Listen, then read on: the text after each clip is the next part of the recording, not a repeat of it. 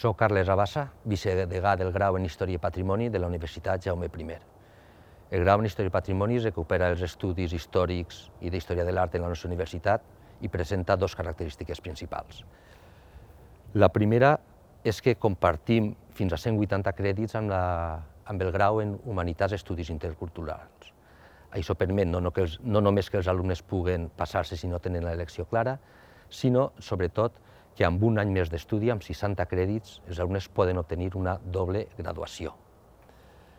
La segona avantatge és que som un títol pioner, som el primer en, en el mapa universitari espanyol que unís en un únic grau els estudis d'història i d'història de l'art. La formació que se pretén és una formació bàsica, on també incloem alguns continguts de geografia, de llengües i de història del pensament, i en quart curs ja pretenem dirigir als alumnes en dues direccions, o bé l'itinerari d'estudis històrics o bé l'itinerari en art i patrimoni. D'altra banda, la Universitat Jaume I compta amb diversos màsters que poden permetre aprofundir i especialitzar en els coneixements que hem iniciat en el grau, tant en història de l'art com en patrimoni, com en diversos períodes de la història contemporània, moderna, medieval està també en estudi, etc. Pel que fa a les eixides professionals, tractant-se d'una disciplina que proporciona un coneixement sòlid basat en les nostres tradicions acadèmiques, ha de permetre als alumnes adaptar-se a diverses eixides professionals.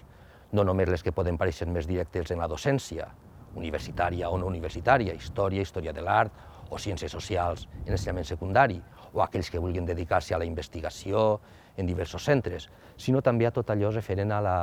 gestió, a la conservació i a la posada en valor del patrimoni històric i del patrimoni eh, artístic, en museus, en biblioteques, en, en arxius,